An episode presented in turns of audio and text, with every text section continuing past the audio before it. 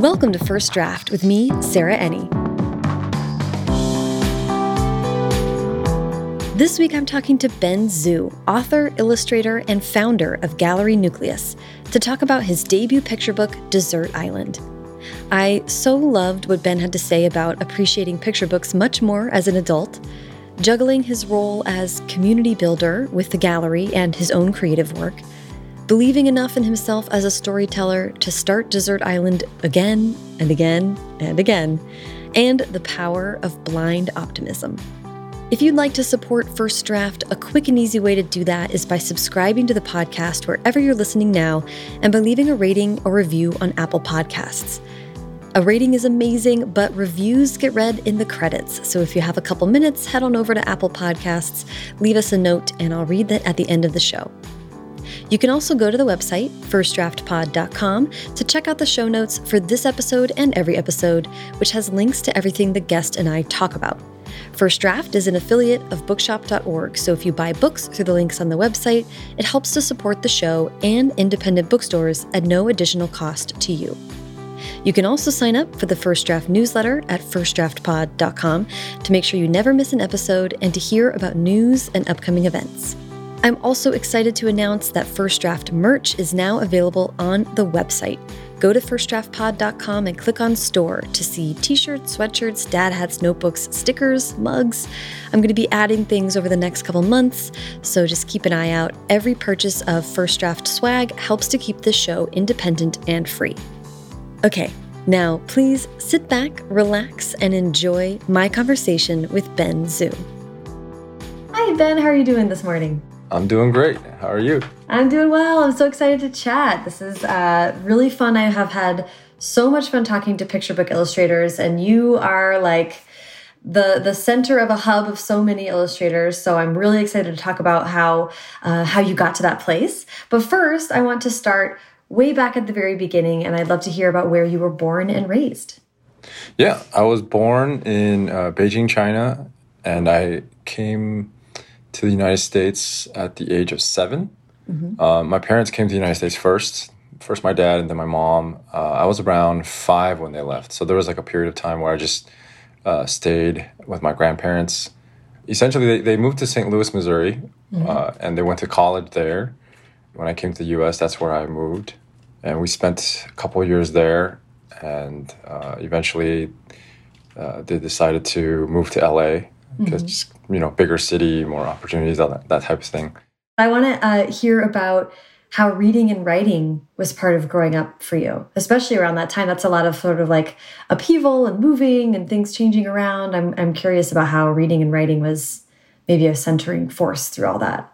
Yeah, definitely. Um, essentially, it took me about three years to kind of get get a grasp of the English language. Yeah. But yeah. luckily, I was very um, I had really good teachers. The school that I went to in St. Louis, I didn't realize it at the time, but like it was apparently it was a very good school. They had a, a teacher dedicated to just me because I was like wow one of the I think it was just like me and one other kid were the only um, Asian kids. so they they had a very specialized ESL program just for me. That's amazing. So that was really helpful. And was your was your native language Cantonese or Mandarin or uh, Mandarin? Okay. Yeah. Mandarin. Had you already learned to read in that and write in that, or was I did. I basically had like one year. Like I graduated first grade and then pretty much came to the U.S. Okay. So I started U.S. in the second grade you know, my parents definitely stressed reading. Mm-hmm. They knew that um, reading was very important for for just mental growth and mm-hmm. and as well as just learning the new language. You know, even when we moved to LA, you know, we were always in like they put me in like summer library reading programs and things mm-hmm. like that where you know if you read a certain number of books and do book reports you get to win little prizes i still have like I don't know, a ruler that I won. nice. from somewhere. But yeah, those programs were great. I mean, a lot of times it was just, I think throughout my elementary school life, it was, a lot of times it was just after school, you just go to the library, you know, and mm-hmm. you just kind of spend time there until you're, you're picked up or, or you just do your homework there and, you know, mm-hmm. um, so it's kind of, it's always been kind of part of my, my life. Just because we're, we're here to talk about your debut picture book, I'm interested what relationship you had with picture books, or is there any that really stood out to you as something you read over and over, or what was your experience with them? As a kid, I, I read a lot of the ones in the library. It's different, you know. It's it's interesting because when you, when you read them as a kid, you have such a different experience with them. Mm. I'm trying to think which ones really stood out to me as a kid. I remember being around, you know, like where the wild things are and all that mm. stuff. But those to me didn't like that was too sophisticated for me as a kid, I think. I appreciate picture books so much more now as an adult. Honestly, I think I think my how I really came to get the idea or to want to even do picture books was through a lot of the artists, a lot of friends, and through the gallery as well. I was always interested in it, but I never really gave it much thought until when I started seeing more, when I started exhibiting more and more artists who were, you know, going into children's books. Guys like Dan Krall, you know, Chris Appelhans, Dan Santat, mm-hmm. and then my da- having my daughter. That was a big. That was another big push towards that. Like, yeah. Because then when you're starting to read and finding like really picking picture books for them, uh, you you start to take another look. But I want to just ask about illustration and how artwork was a part of being a kid for you. Yeah, definitely. So I've always liked drawing. Um, I was never good as a kid, and I think there was this part of me that just I think it was because it was the one thing that I wasn't really good at, but I like for somehow I, I just developed a desire to be good at it. Mm. I think around the age of like four or five, I just mm -hmm. remember thinking, why am I so bad at drawing? And I want to be better at this thing. and um, so I just I just kept going, and I was always a um, I admired other kids in my class who drew better than me, it was just something that I I don't know. I really uh, I thought it was amazing that you can represent something just lines and colors and you know. So I've always liked drawing I guess. And then when I came to the U.S. people would always ask like oh what do you like to do? Or what do you want to do when you grow up? And it just kind of became my default answer like oh I'm gonna be an artist. Wow when you can't especially early on when you can't communicate as easily and you know as i'm an only child so i have a lot of time to myself. Mm-hmm, mm-hmm. so I, I, did a lot of uh, yeah just doodling and you know and then once i discovered i think it was like the first year i think it was around like yeah seven eight years old um, someone gave me a comic book. Mm. and they're like oh I don't, I don't want this anymore. You can you can have it. It was like an older kid and uh, it was um, Spider-Man versus Punisher. Oh. I still remember the cover very vividly, and I was like, "This is somebody made this," you know? yeah. yeah. So at that point, I was like, "Oh, I think I definitely want to be an artist." You know, after that first comic book, and at some point, I had gotten How to Draw the Marvel Way. Oh yeah. And, and I consumed that book. I I think I did so many copies from that book, and at that point, yeah, I was like, I'm definitely I definitely want to do this. I definitely want to be an artist. And you know, watching cartoons as a kid growing up. Mm-hmm. In China, I watched like Astro Boy and a few other like I saw anime in China, but and I saw Disney cartoons in China. Mm-hmm. But when I came to the U.S., that's when like stimulation overload. You know, there's uh, Sesame Street and Mr. Rogers and all this stuff going on on TV, and you know all these like cartoons. It's like wow, this is amazing. There's so much stuff to see and consume, mm. and you know, it's, it's just a much richer world mm. than my childhood in Beijing. You know? That's so interesting. I love that kind of the world opening up. I'm sure you're that you were naturally gifted at drawing, probably more than you're giving yourself credit for. But I love that you're saying sort of that you saw people with this natural talent and you were like, I'm going to work hard to to do that, to get there. Like the the the entrepreneurial spirit and the hardworkingness was kind of baked in there yeah it's weird. You know it's it's some kids are just drawn towards certain things. I guess for me it was just like wow i really i really admire that. Uh, and i just kind of wanted to to try yeah i don't know it just kind of came naturally. I just wanted to to be better at it. Yeah it's just yeah. a, it's such an interesting thing to i love that's why i like talking to people about their childhoods because it's like we really tell ourselves what we want to do so early and there's so much that's like baked in. Um, you know i did similar things where it's like why was i spending hours as a kid like coming up with languages and writing sci-fi? You just like there's there are other ways to spend time but we just we know what we want to do so. Yeah definitely. I think there's an immediacy to it too. You know it's mm. like with with science, you can you can say that you want to be a scientist as a kid, uh, and unless you have like a lab, a miniature lab at your disposal, uh-huh. and I guess you know your household products that you kind of can to some degree, but it's just there's an immediacy to like just putting pencil to paper, mm-hmm. or you know whether it's writing or or, or drawing. Um, well, I want to ask about. Um, I understand you had kind of a unique high school experience related to learning animation and studying which is really cool. I want to hear just like how that came about. Yeah, honestly, it was just that's really good, just blind luck.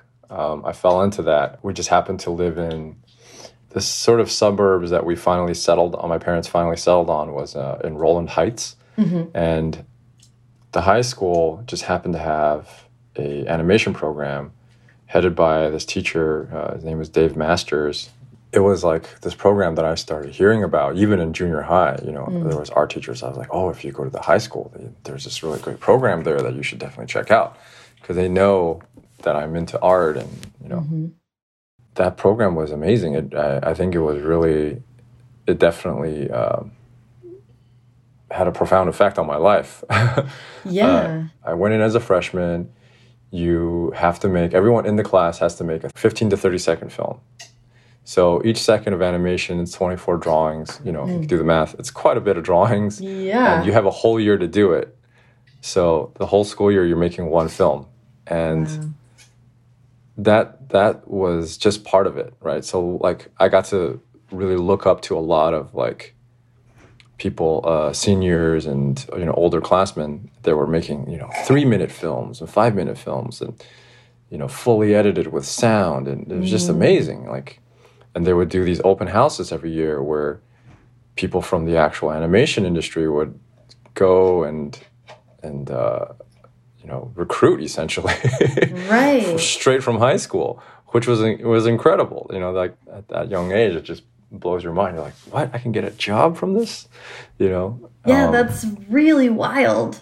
Yeah. I mean it was a, that was a very good program. And it, and I don't know too many other high schools, public high schools especially, that has like their own Avid editing machine, you know. And I remember yeah. we had um, they were testing out for the first time a um, video conferencing. This is long before Zoom or wow, you know, even the the internet wasn't really that much of a thing yet, you mm -hmm. know. Mm-hmm. But it was like video conferencing, and we what was it? We had a video conference with Chuck Jones.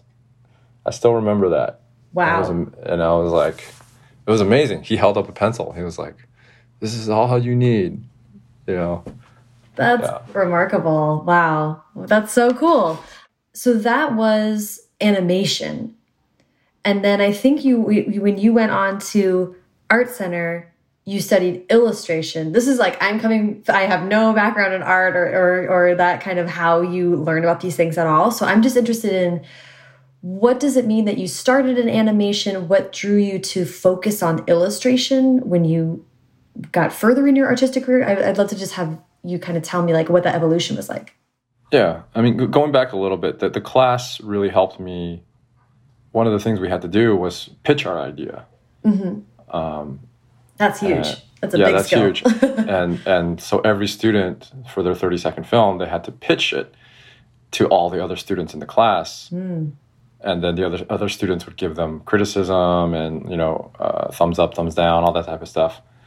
That process really taught me a lot because the teacher. I remember that one of the things the teacher said was like, "You have to be honest with your fellow students because you think you're being a friend by just giving them a pass uh. and telling them, oh yeah, your idea is good, but you're actually hurting them. You know what I mean?" That really stuck with me for a long mm. time. So that that that one sort of uh, a piece of advice allowed me to have to take criticism a lot easier. Right. And then to give criticism maybe a little too harshly sometimes but you know? Um, wow yeah. yeah that kind of like really baked into me at an early age. Um, but yeah so that's that's one of the sort of you know and just having to make films um, every year in that in that uh, program for the pretty much from freshman to senior year. Mm-hmm. And so it was through that program I had I made a lot of friends, upperclassmen that eventually moved went to either Cal Arts or Art Center. Mm-hmm. and to me, it was like, okay, well, that's my path. One or the other, yeah. One or the other. Um, and I was seriously considering both. Like, I, I, I, didn't know which one for a while. And then one of my friends, uh, Kevin Chen, who started uh, Concept Design Academy, CDA, he went to Art Center. Um, and uh, I started going to Art Center for like high school. They had like a high school program, weekend program. And so I pretty much it was like also the closer school, and plus mm. it was it, it, taught me other things aside from just animation. Mm. Um, so I kind of wanted to learn all those skills, uh, like painting and you know editorial illustration and mm-hmm. uh, yeah, just everything along the ancillary like to animation. Mm-hmm. Mm-hmm. Yeah. Yeah, and what was what was the pull to that? I'm just, I mean, it's obviously just your inclination to want to try other things, but that's so interesting to me that animation was such a focus, but you were like, oh, I want to have more of, the, of a breadth of understanding about visual representation. It could be a combination of things. I think it was a part of it was I already had four years of animation. Mm -hmm. I did really love animation, but I kind of just wanted to learn some more raw skills. I felt like I needed to to really learn how to draw like the form or express uh, an idea with a single image or for me it was like the ideal job graduating art center was concept artists whether in video games or for for films or mm-hmm. animation so i luckily as after i graduated i, I was able to get a, a job working in video games as an illustrator concepting like backgrounds and mm-hmm as a background artist in video games, you're you're doing more 3D modeling. Oh, and. Yeah, and lighting and all that stuff. You're you're essentially building the level that the player walks around in. Mm-hmm. So there is a a good chunk of it where you're just kind of like coming up with ideas and drawing. Essentially, what I was trained for in art center, mm-hmm. you know, but a lot of it was stuff that I wasn't trained for mm. which was you know working with the, the game engine, um, modeling in 3D, mm-hmm. but in very specific ways that like is optimal for the game. Yeah. You're being very humble, but you worked on Call of Duty One, which is like you know this like wildly yeah, cute big lucky. deal. yeah, um, I was very lucky. And I want I have a couple questions about that, but I do I want to ask about about finding your voice as an artist do you feel like you did that at art center as as you're saying i know that it's a it's a school that's very focused on sort of practical skills but i'm curious about like what your development as an artist has was during that time anyway i mean art center is very much a trade school i think it still very much is that i think in art school unintentionally you're sort of developing your own tastes and your own sort of voice right so I was still very much, like I said, trained to be a mercenary to have like different styles or to be able to be flexible and, you know, cater to to whatever the project needed.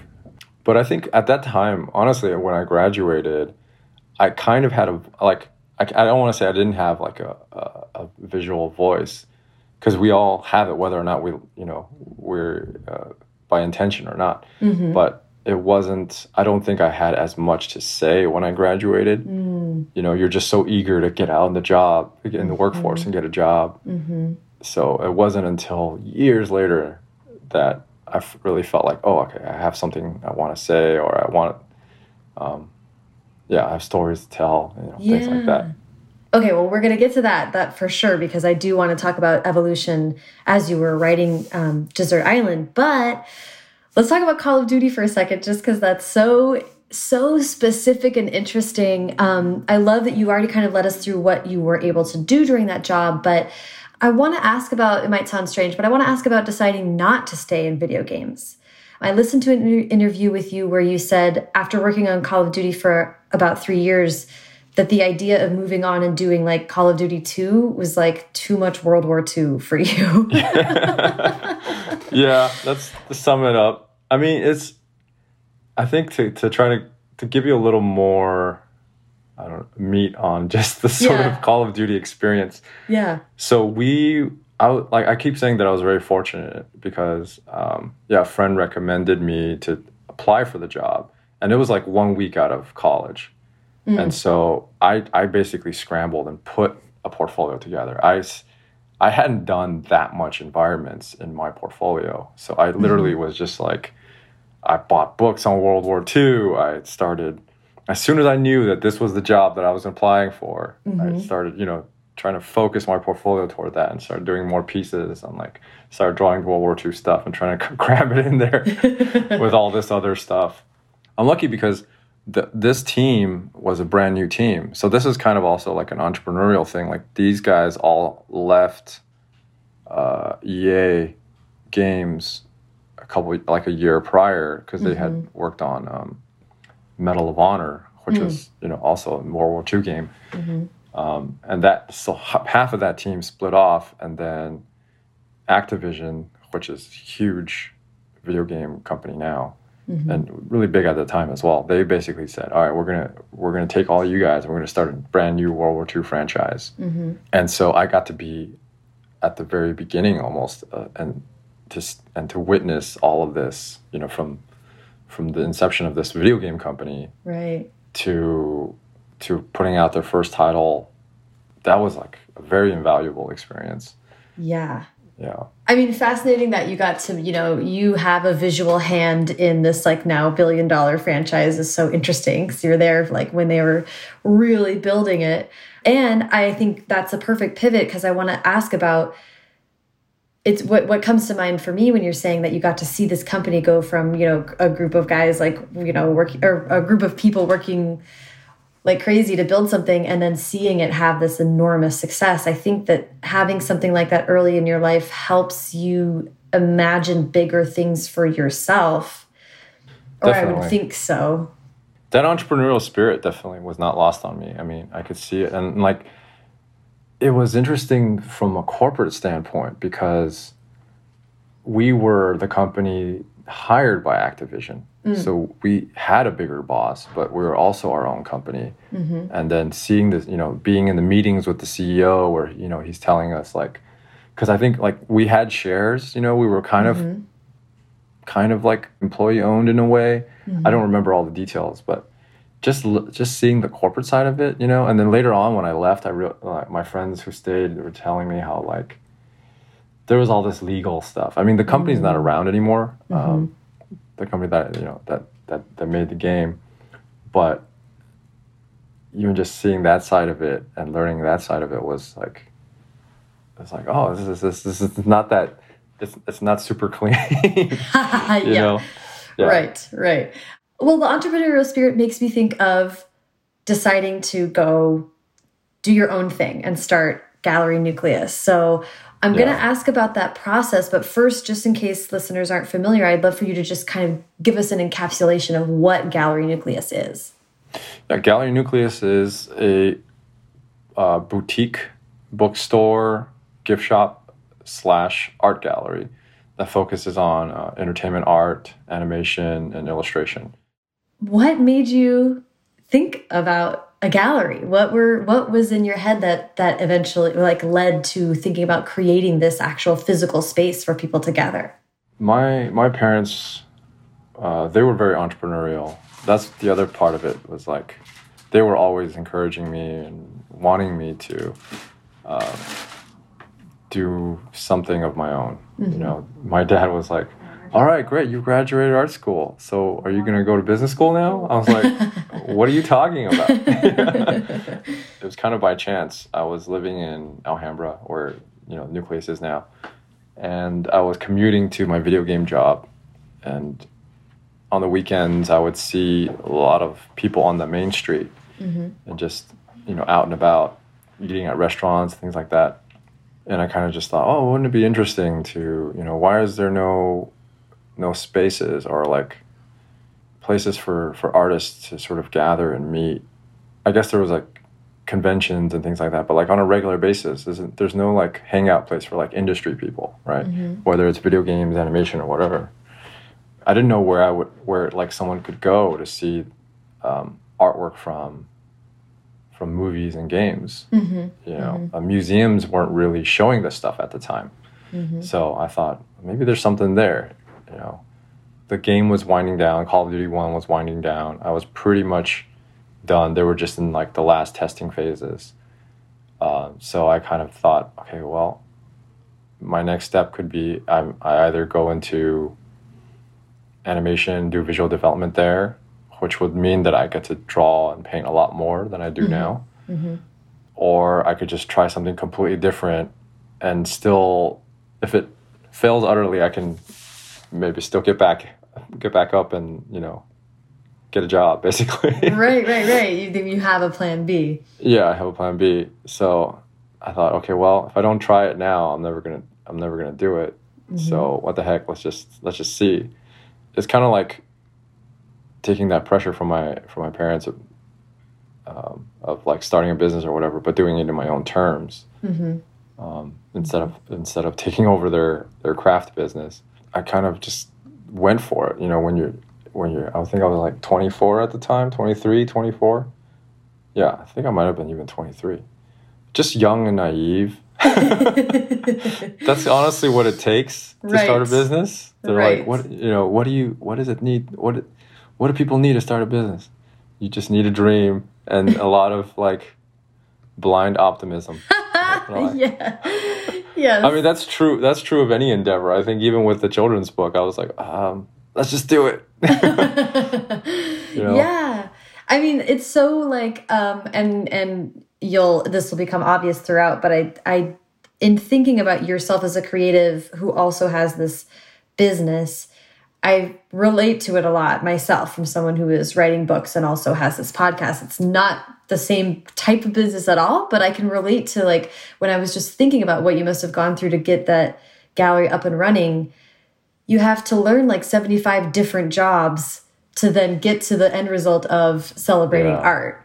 what was that yeah. experience like? Oh man, yeah, it's such a steep learning curve. I was so so many late nights in that first year. That first year was brutal. Mm. It was like I, I say that art center was kind of was pretty tough, but I think that first year was probably uh, almost equivalent because at art center you're spending a lot of late nights, uh, pulling a lot of all nighters, trying to mm -hmm. increase your abilities and uh, be better at your craft within like four years. You know, mm-hmm, it's mm-hmm. it's a very short amount of time to be a really amazing artist. right. Um, but you know, learning everything from basic accounting to inventory control to uh, point of sale system.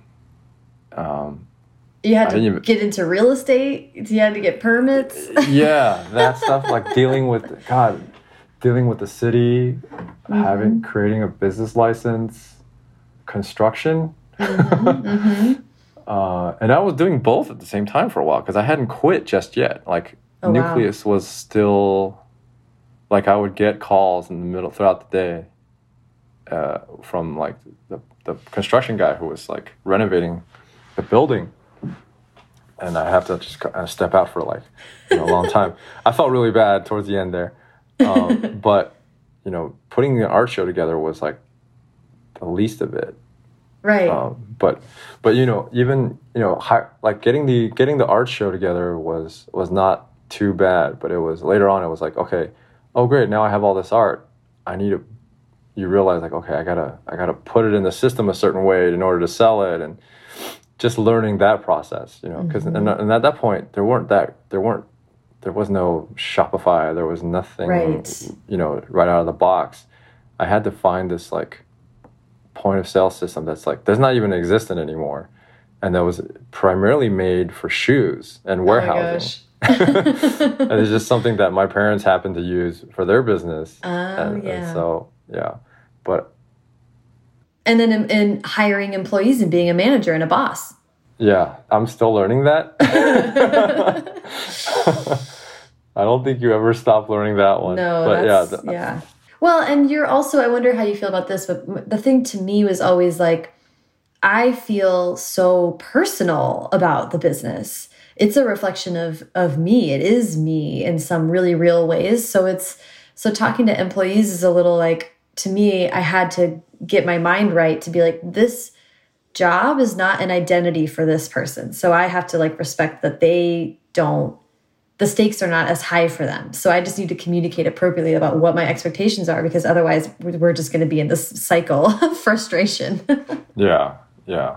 I mean, the first business, I think anyone, I mean, the first lesson that anyone learns about management is like, okay, how nice you should or shouldn't be or at yeah. all. you know what I mean? Right. Um, it took me a long time to really come into the role of like being a boss. Right. But I heard I, in another interview you did, you I um you said that failure was like not an option. Yeah, I mean, once you start, it's like my parents warned me. They were like, "Yeah, you're about to board a train that you're not going to get off of." I'm like, "What mm -hmm. do you?" Mm-hmm. I had no idea what that meant. Mm. I thought they were just trying to scare me. I was like, "Oh, I, you know, if I if I fail, I fail." I mean, I didn't want to fail, but mm -hmm. that's the mm-hmm. thing that you don't realize. It's like you would rather you know, lose sleep than mm-hmm. have the business go down, you know. Well, and other and and not only like then you get you onboard people and other people are relying on you, but also there and this kind of leads to the next question I wanted to ask about it was it seems suited to the um to your it seems like you have an inner drive of desire to improve and refine. And the and man be you know running a small business is nothing but a wonderful opportunity to constantly be learning and changing and adjusting and improving. Yeah. I think that's part of the addiction of it you know? You, you are like oh you, you have these little achievements here and there you know? Mm -hmm. and you you feel like you're you're improving. Um, you feel like you're these these small milestones. And in a way we were improving you know? Like by the our third year we were actually profitable. Mm -hmm. um, you know we weren't immensely profitable but we had gotten out of the red mm -hmm. and fairly consistently. For a gallery, that's no small thing. Yeah. Uh, well, that the the the kind of other frame of that question that I want to ask is is about um, developing the identity of of nucleus. Like we kind of talked about your develop your development, or we're going to get back to it, uh, including your ongoing development as an artist. But you do have to develop an identity as a business. So I'd love to hear about like, what that process was like.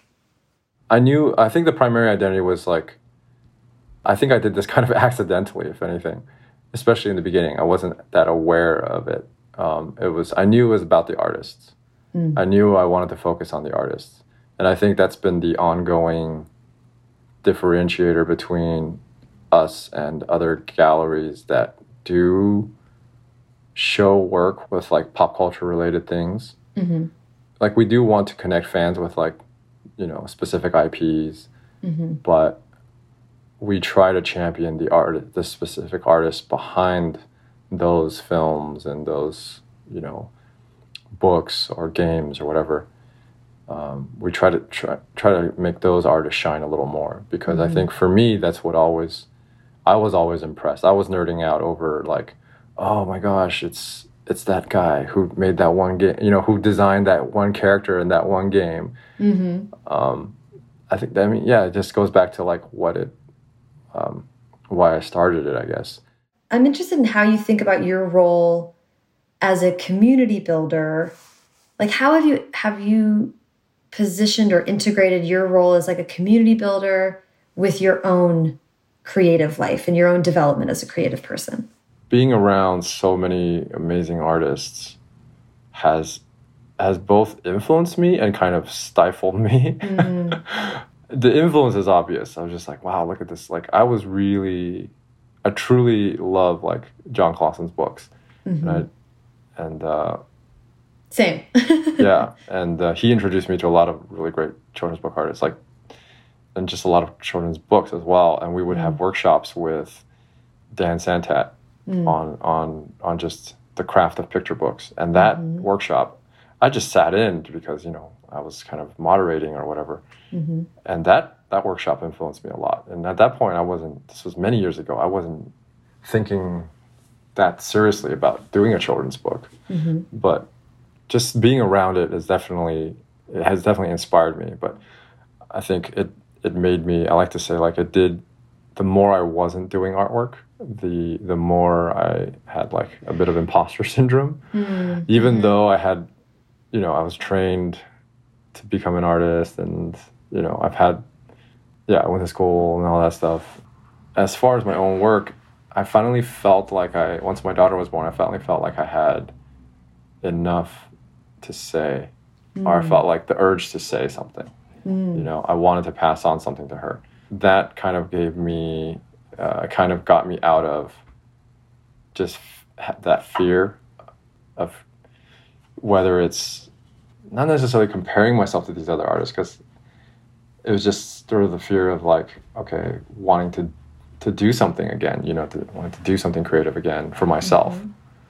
Um, had you been able to draw or had you been able to do much in your, I mean, free time as like a small business owner, like does almost doesn't exist, but had you been keeping up with it at all before your daughter was born? I, I think in the early days of Nucleus, I did some, you know, flyer designs, a lot more graphic design and mm. like marketing related stuff. This is a bit of a tangent, but um, a couple of years back, you know, I got to work on Wish Dragon with Chris.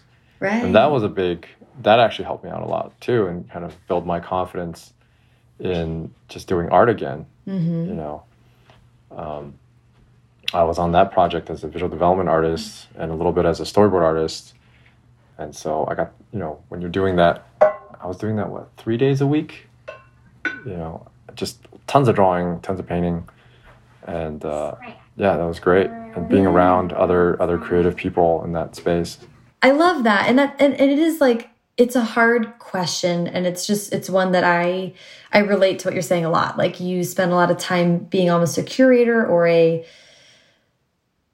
it's kind of tough to talk about. Like in some ways you're promoting people that you admire but you also want to be doing that thing and that creates an odd tension and you just sort of set yeah. yourself up for a no definitely. I have okay i think i'm glad you're saying I'm glad you mentioned it because yeah. there was definitely a, a, a point where I was talking to my wife. I'm like, is it weird that I'm doing this because I'm, you know, does it does it feel like a, a conflict of interest? You know what I mean? Right. right. And then the more people I talked to about it, the more, the more there, even the artists that I talked to, you know, who we were, I was showing, they were like, it's it's not. You should do it. You know, you were, you were an artist and you're still an artist. Mm-hmm, mm-hmm. you should just go for it, you know. Um, and a lot of my friends were like, "No, you you you're still helping people. You're still providing this platform. Nucleus still a platform for other people. You know, you should actually take advantage of it." Mm-hmm, mm-hmm. and I think it it took a certain amount of permission mm. for me to finally be okay with it. And that mm-hmm. was, you know, that was part of the imposter syndrome. You know, mm-hmm. it's just like I didn't I didn't want people to think that like oh because I have this platform that I'm sort of giving myself uh, like an easier time or whatever. Do you know what I mean? Yeah, like, which and I I hear you and I understand that, but also from the outside, it's like that's it's not it's, it's not ridiculous. Easy. Yeah, yeah. yeah. like it's still. Of, of, course, you're within your right to do that. Of course, you should. You know what I mean? But yeah. but it is hard to give yourself that permission. Yeah, and and even even with. Uh, this platform doesn't mean that you're you know you're still you're still starting from square one. Right. Let's um i would love to kind of talk about the the genesis of deciding to do picture books. You mentioned a dan santat class. I'd love to just hear about what made you want to do this and then how did you come up with the concept that eventually became dessert island? I knew i had i wanted to do something related to um, sustainability because mm-hmm. that was, was very much on my mind. And I read a lot of children's books. I borrowed a bunch from the library, and you know, bought a couple for my for my daughter as well, uh, that were all about sustainability and you know, endangered animals, things like that. Mm-hmm. And there were there were some pretty good ones, but I felt like there wasn't any that was this balance of like fun, but also you know, topical Mm-hmm. They were either mm-hmm. too serious or or somber or you know just mm-hmm. they didn't quite feel right to me. So I kind of wasn't was motivated in that respect.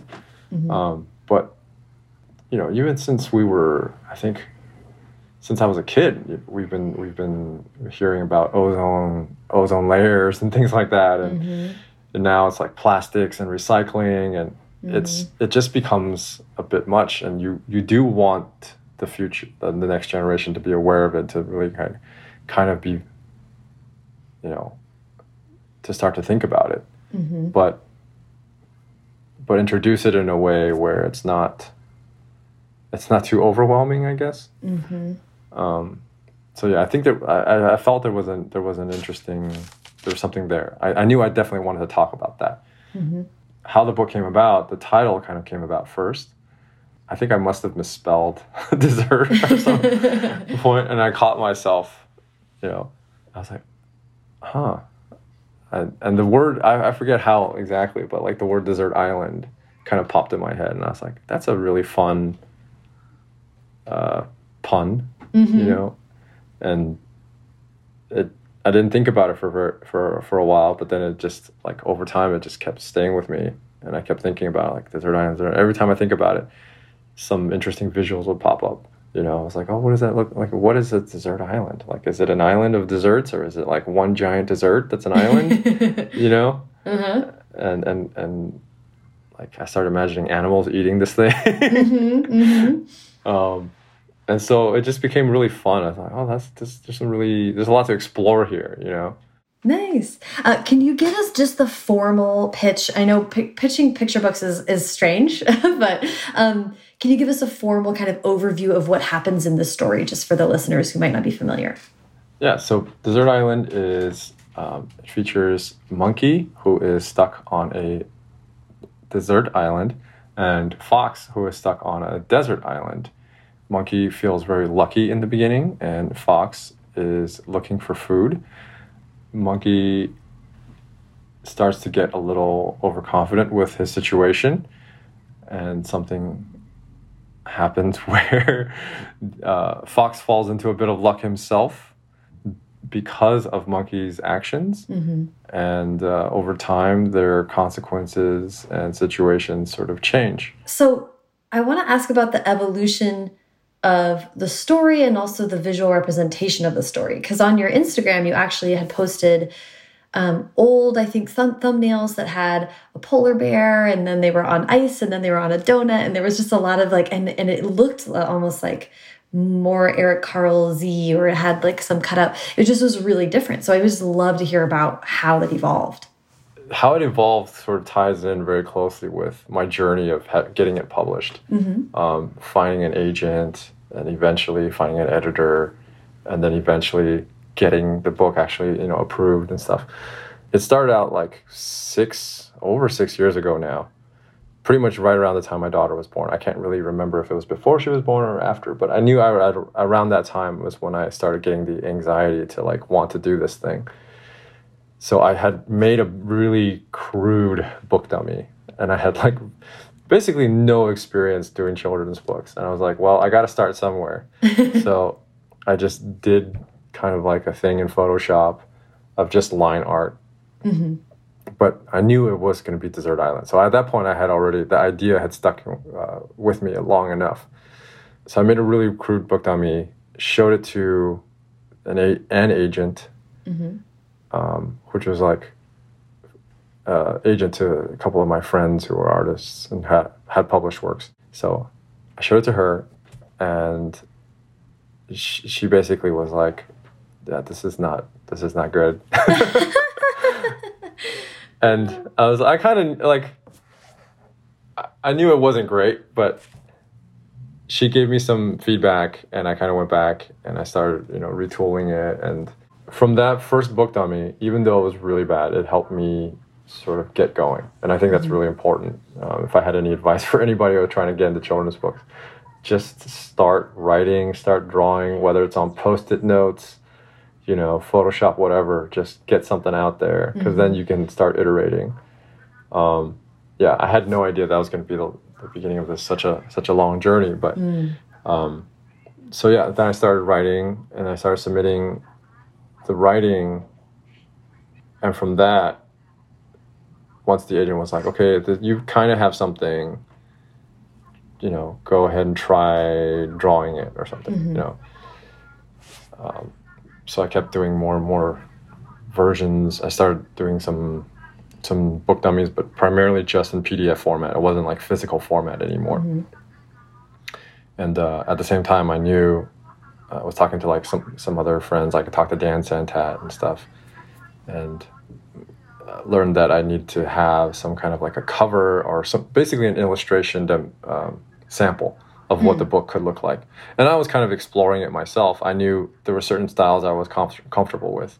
So sort of that paper cutout style I really liked.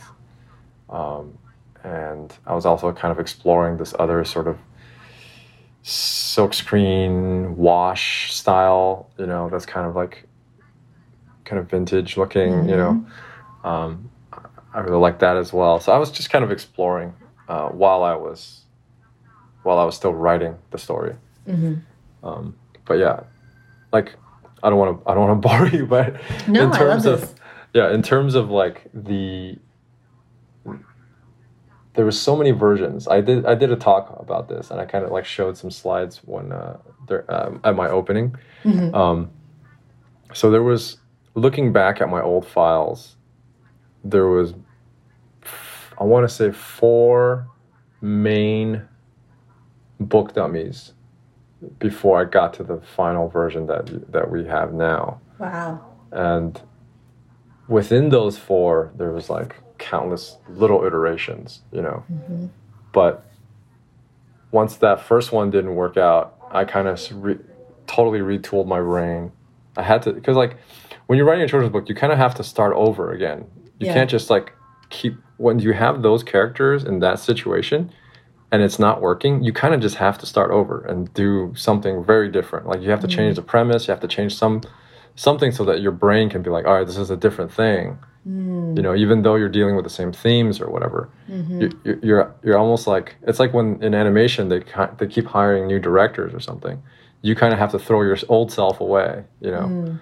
Um, so yeah, the first dummy was two kids on an island, and they were on a cake, and they would just go from layer to layer, eating away, and then they think they basically have enough, and they have, uh, you know, they're, they're sharing it with whales and and seagulls and things like that, and essentially it was a, they they get to a point where, you know, they eat themselves out of a home. So yeah, and then the, the two kids would ultimately they ended up their their island just disappeared and they kind of start fresh on a new island. I don't imply that like it kind of implied that something happened to them. You're not you're not sure what because they basically get caught up in a storm and they end up in a new mm. island. Mm. Whether or not they passed away, we don't know. It was basically it got kind of dark. Interesting. Yeah, and but the story just ended with them having a second chance. Mm. You know, mm-hmm. um, and them making amends. But that one that one didn't work. So I had to start over, and I I thought, okay, well, let's use animals instead. I thought it was just. It was just it was interest it was I don't know it was, it was a little more interesting I think I just like the idea of of animals eating desserts I guess Yeah. yeah Well, And that- and you're talking about not wanting it to be too uh, like bleak. it does seem Yeah. like it's a little bit easier to take It's some a- of the, yeah. Yeah, it is a little more removed, but also primarily it was like I feel like people can identify with animals, you know, anthropomorphic animals. Um, there's there's just more of a there's like a different language there, you know. Um, so yeah, I I, chose animals because I, I wanted more more kids to be able to identify, and um, so I came I came up with three animals that were endangered, that were trying to essentially were there i think this version was like they were island hopping.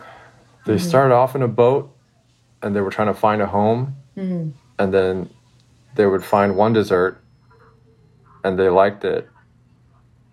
And they either they either i think there was a version where they either stayed or they or they they decided to find another island. You know basically they went from island to island and each island they went to or they waited for the island got bigger and bigger until they finally like come across a giant uh, chocolate cake right?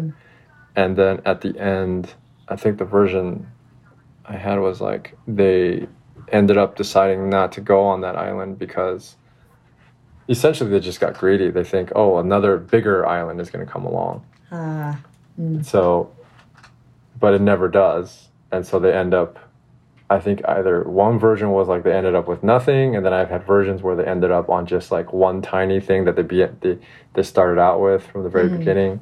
Mm-hmm. But it was okay. It just didn't. Uh, it wasn't as powerful. I think it was still too compli- complicated for the people that like for my agent, for editors, and things like that. Mm-hmm.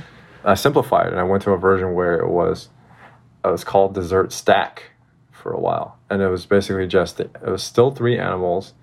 The theme is similar, you know, they're in a boat and they come across these giant desserts, but instead of getting on top of them like like giant islands, they're basically collecting them.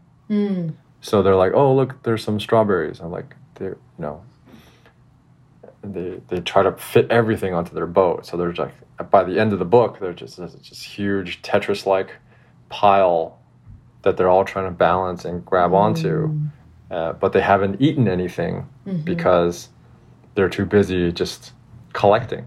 And so finally, the one of the characters, the monkey character, says like, "Oh, I know how to lighten the load," and he takes a bite, and basically the whole thing comes toppling down Right.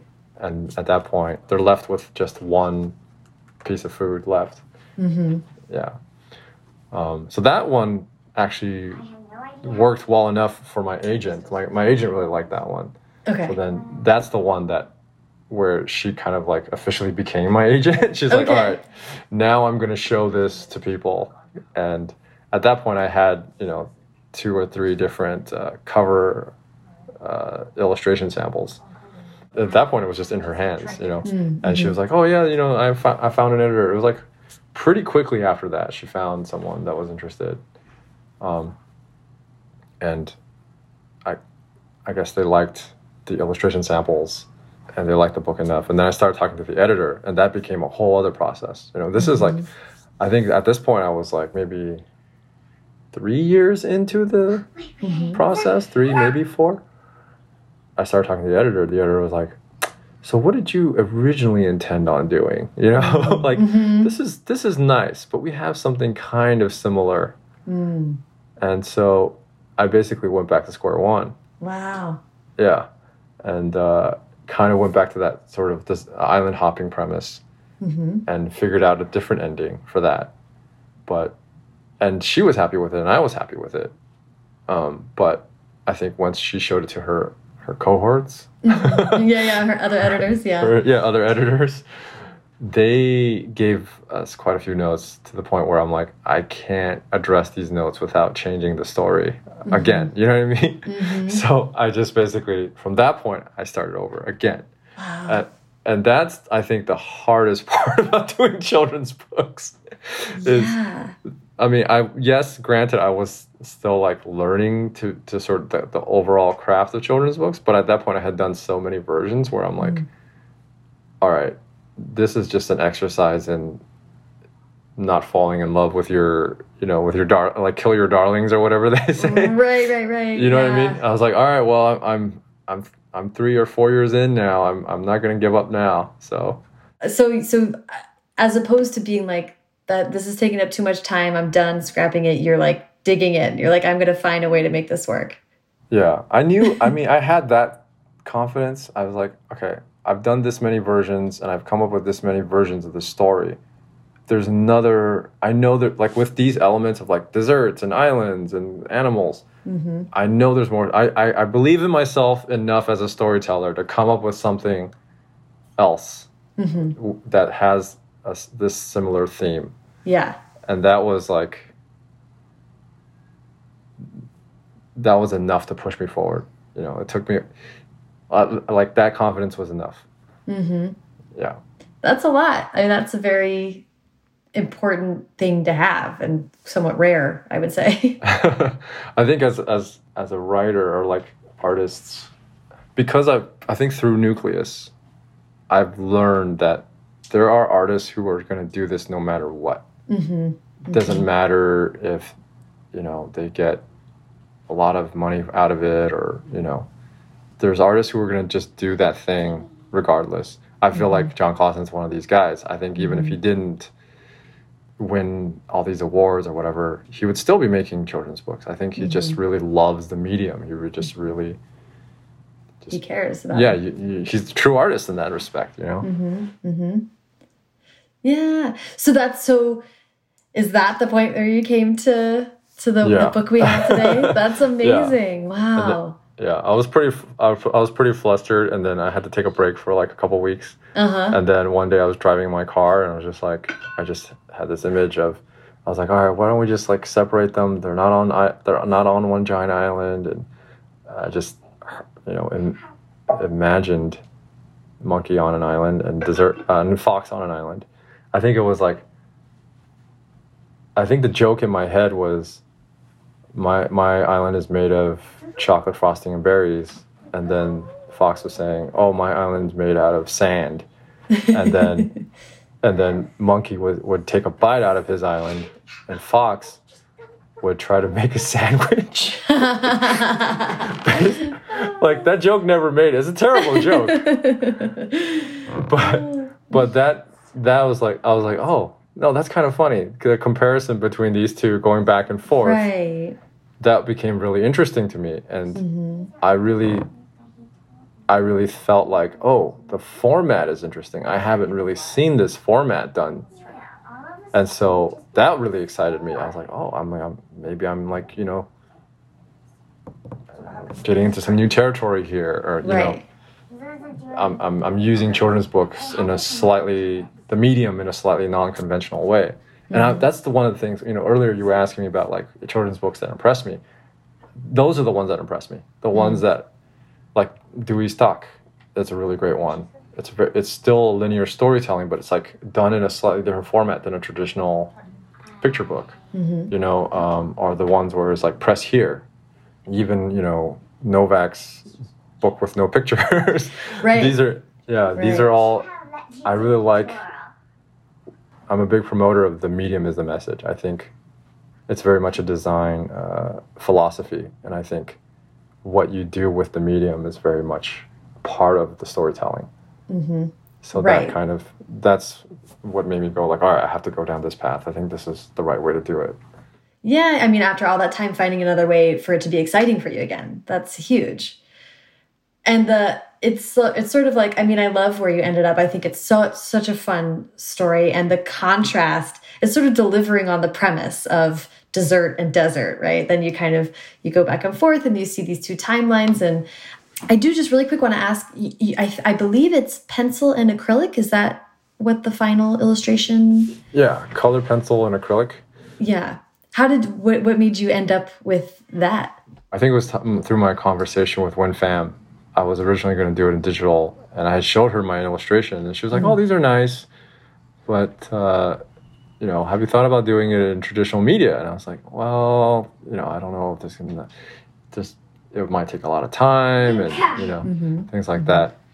But yeah, talking to Wen Pham, she basically was telling me like, you know, cons- you should consider doing it in real media because you it's you know it's a it's a picture book and there's a lot of artists who do it in digital you know and, and a lot of digital can start to look all the same Mm-hmm. i didn't want to be a hypocrite because I, I would always tell my artists who exhibit at nucleus i was like oh you know you should do it in digital i mean you should do it traditional media Mm-hmm. you know because then that way you have something to to, to uh, you have a bit of a keepsake you have something to put on the walls and Mm-hmm. um, things like that so I, I i knew i mean going along with the idea of like wanting to leave something behind i was like well i haven't painted in a while but i i want to i do want to have something physical to to remember this by and to, to you know maybe eventually give to my daughter or whatever Yeah, that's so special. That kind of adds the whole other element of really personal element to it. yeah Um, and I think you can you can tell, right? I mean, of course, illustrators can always tell, but I think there is something that's just so palpable and engaging with seeing like you can just tell that something is handmade. There is, I mean, I've looked at a lot of children's books, and I was talking this with like Josh Cochran as well with his Keith Haring book. He mm. was thinking about doing it digitally as well, and then, you know, we both said like, yeah, there's something, there's just something more, there's a richness to, to to children's books that have been painted, you know. Mm-hmm. Yeah. And the, you know, what's interesting to me about the, about Fox and Monkey's journey is, you know, over time, Monkey is on the dessert and he's eating and eating and having a great time. And then one of the berries from his island floats over to Fox's island. Fox buries it and something begins to grow. So Fox is going to be able to sustain himself. And, and then Monkey comes on hard times and is afloat. And Fox has to decide to risk everything to save Monkey. And it, it I'm just thinking about in some ways when you're talking about this as kind of a climate change book, a sustainability book, that that extension of sympathy and empathy and care from fox to monkey is a little bit kind of like saying i'm just thinking about the climate activists and having to be like we can't assign blame as much as we just need to move forward together in solving this problem like that to me felt like this really bigger thing that was being talked about in this book. I don't know, was that on purpose or were you thinking about that or how, how do you think about that? I don't think I was thinking about that specific. I wanted Monkey to learn his lesson. Mm -hmm. And for a long time, I was like, I did struggle with the ending. I was like, how am I going to resolve this for for Monkey? And if the book does well enough for me to make a second one, mm -hmm, mm -hmm. I may I may uh, yeah, I may do some version of this, but I envisioned one where the monkey would float by mm. Fox. Mm-hmm. You think they were going to get together. I, I, really wanted a spread where they were both on the same page, mm-hmm. but where like a wave essentially would cover uh, monkey. Like you didn't see, like Fox wouldn't see monkey, mm-hmm. but they were in the same spread for a second, and then monkey would end up in his own island. Mm. And at that point, Fox now would be on the left, mm. and monkey oh, would yeah. be on the right, mm-hmm. and fox would he would have more berries, and he would grow. You know, his island would become very lush, mm-hmm. and at mm-hmm. some point, he would purposely let a berry or two go, mm. And that's what kind of and the book would end with monkey receiving a berry. Mm. and you're you know and and sort of letting the audience go like okay well what's he going to do with it mm. you know mm-hmm. so that was one version, and then I, I I still like that a lot, but I think this one was ultimately just more satisfying overall. I think for kids as well, um, mm-hmm. but I did very much want them to work together. I think in the end is like, all right, we have to cooperate in order to to sustain. Right. Well, I, I want to ask about specifically your daughter. As you mentioned, you you started writing this when she was born. Now she's six or so. So you've kind of been working on this project as she has grown through and now almost out of the target audience for this book. How has watching her and being her dad been part of the evolution of, of knowing what kind of story you want to tell to children?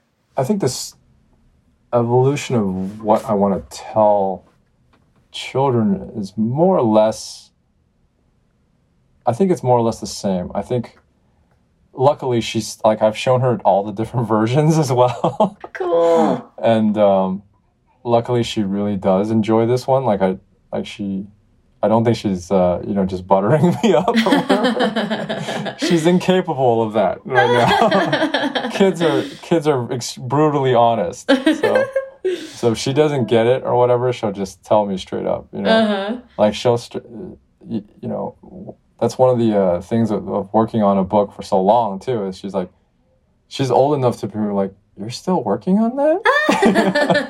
yeah, that's a read. You know? I was like, yeah, yeah, I'm still working on it. That's so funny. But she got to see the whole process, so that was very. Uh, yeah. I, am really glad I went through that with her. Like, mm-hmm. she was, you know, she's it, it, it kind of like dovetail with her interest in in art and mm-hmm. you know mm-hmm and storytelling and things like that. But I think in terms of the stories I want to tell, I, I it's very much the same as when I started. I still want to tell stories about kind of the human condition, you know, sustainability and things that we should be be aware of, mm-hmm. you know, without being too didactic, I guess. Right. Um, that's always the the challenge. I, I, think there's different ways to tell the same story. You know, whether mm-hmm. whether it's it's through this epic, you know, novel or or through a children's book. Um, mm-hmm. I think the message is is more or less the same. Yeah. So I mean, I would love to ask about um, what what you would like to do next. It sounds like picture books might still be the medium you're interested in. Yeah, definitely. I, I really love the picture book medium. I realize that for a couple different reasons. One is like you're you get to uh, having experienced animation and filmmaking and video mm -hmm. games. You know, for an animated film or for a video game, it's like three to five, maybe. You know, I know animated films that have taken ten years to come out. Mm -hmm. You know, not that I, my six year my six year children's book isn't that different, but it's it's within you know it's just me. It's completely within my control, mm-hmm. and I think there's just that there is that I, I really do love that aspect of it. I'd love to hear advice both from someone who has now gone through the process and has a debut of your own and also someone who has seen so many friends and and people you admire go through picture books if if people are coming up now and this is of interest to them this medium what advice would you have for them? Yeah for anyone who's trying to get into picture books um, i definitely recommend taking some classes 1st mm -hmm. there's a lot of good classes out there. I think ari teaches one. There's some good books now on picture on how like making picture books. If you you know if anytime any of the authors like dan or jon if they ever teach anything that I'm sure there's like workshops or videos out there. There's basically there's like educate yourself first on the mm-hmm. medium. I, mm-hmm. That's what I recommend.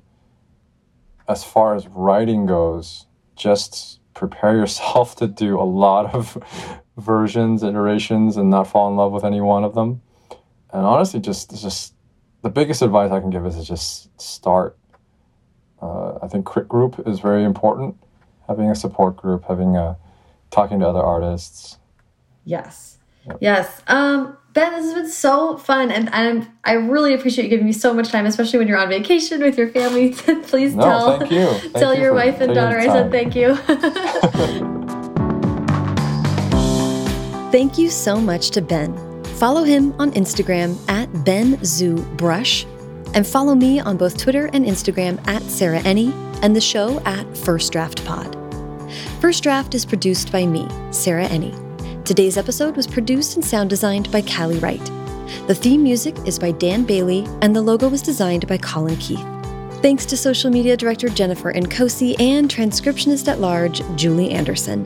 And as ever, thanks to you, treat loving monkeys, for listening. Mm-hmm.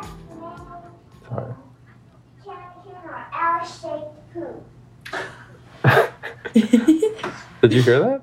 I can hear a little bit of that. I'm not sure what. Okay. I can't no. see what's behind you, so I don't she, know. She's talking about her poop. oh my god, amazing. All right.